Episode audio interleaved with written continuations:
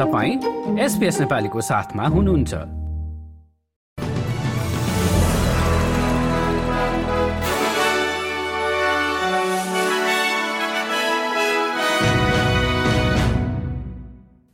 नमस्कार। आज सोमबार आठ जनवरी सन् दुई हजार चौबिस।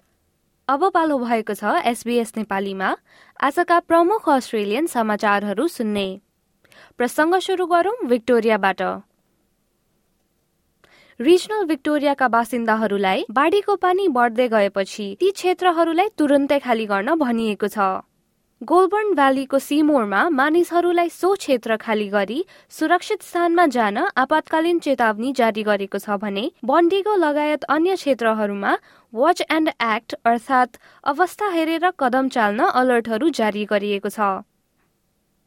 यसै सन्दर्भमा ट्रेजरर जिम चार्मर्सले फार नर्थ क्विन्सल्यान्ड र दक्षिण पूर्वी अस्ट्रेलियामा आधी र भारी बाढीको चेतावनी जारी गरिँदा यसले अर्थतन्त्रमा गम्भीर असर पार्न सक्ने बताएका छन्।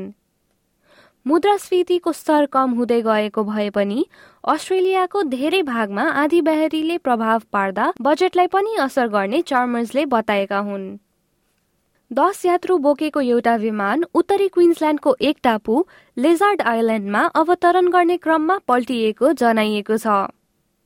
उक्त जहाजमा सवार भएकाहरू घाइते अवस्थामा पाएका छन् जसमध्ये कतिपयको टाउकोमा चोट लागेको साथै हात भाजिएको बताइएको छ।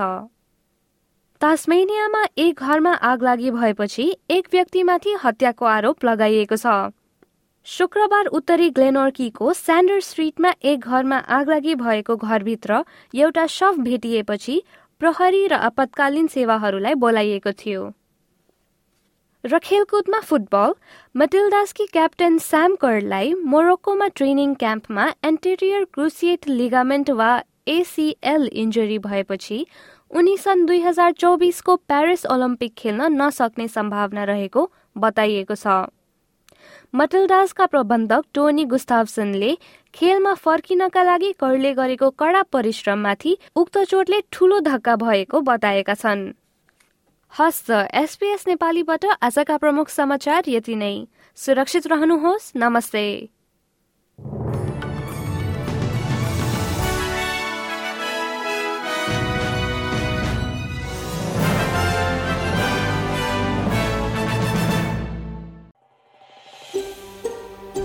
यो जस्तै अन्य प्रस्तुति सुन्न चाहनुहुन्छ?